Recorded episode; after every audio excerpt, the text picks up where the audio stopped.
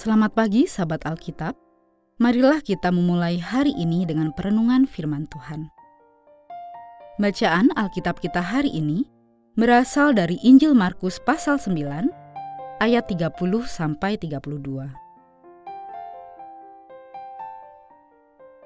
Yesus dan murid-muridnya berangkat dari situ dan melintasi Galilea.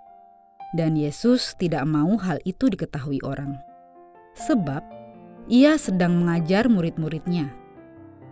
Ia berkata kepada mereka, "Anak manusia akan diserahkan ke dalam tangan manusia. Mereka akan membunuh dia, dan tiga hari sesudah ia dibunuh, ia akan bangkit." Mereka tidak mengerti perkataan itu, namun takut menanyakan kepadanya. Sahabat Alkitab, Natal selalu identik dengan sukacita, kebahagiaan, dan kasih yang tercermin antar anggota keluarga. Kelahiran Tuhan kita selalu kita sambut dengan penuh rasa sukacita. Namun, di saat yang sama, seharusnya kita juga menyadari bahwa kehadiran Sang Penebus itu akan bermuara pada pengorbanannya di atas kayu salib yang menyelamatkan dunia dari dosa. Bahkan, Tuhan pun tahu bahwa sang bapa mengutusnya untuk melakukan karya besar itu yang sungguh teramat berat. Kesadaran Kristus akan penderitaan yang dialaminya terus digaungkan di antara orang-orang terdekatnya, yakni para murid dan pengikut Tuhan. Yesus berkata kepada murid-muridnya bahwa anak manusia akan diserahkan ke dalam tangan manusia, dan mereka akan membunuh dia. Dia selama 30 hari sesudah dibunuh akan bangkit. Perkataan itu merujuk kepada dirinya sendiri.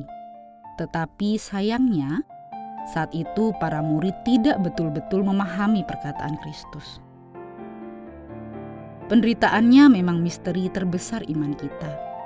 Tetapi paling tidak sebagai umat beriman, kita harus berupaya untuk senantiasa merefleksikannya dalam kehidupan beriman kita sehari-hari. Menderitaannya adalah karya yang paling agung yang telah dikerjakan Allah. Maut dikalahkan dan kebangkitannya dinyatakan. Itulah rencana Allah yang sudah terpampang nyata bahkan sejak Yesus lahir ke dunia dalam rupa bayi mungil yang begitu rapuh.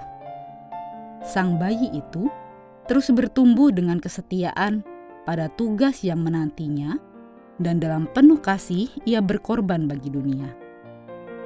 Marilah merenungkan pengorbanannya dengan sungguh, karena di situlah hadir kekuatan iman kita. Mari kita berdoa. Ya Tuhan, kami mengucap syukur atas setiap kasih sayang dan penyertaan-Mu dalam kehidupan kami.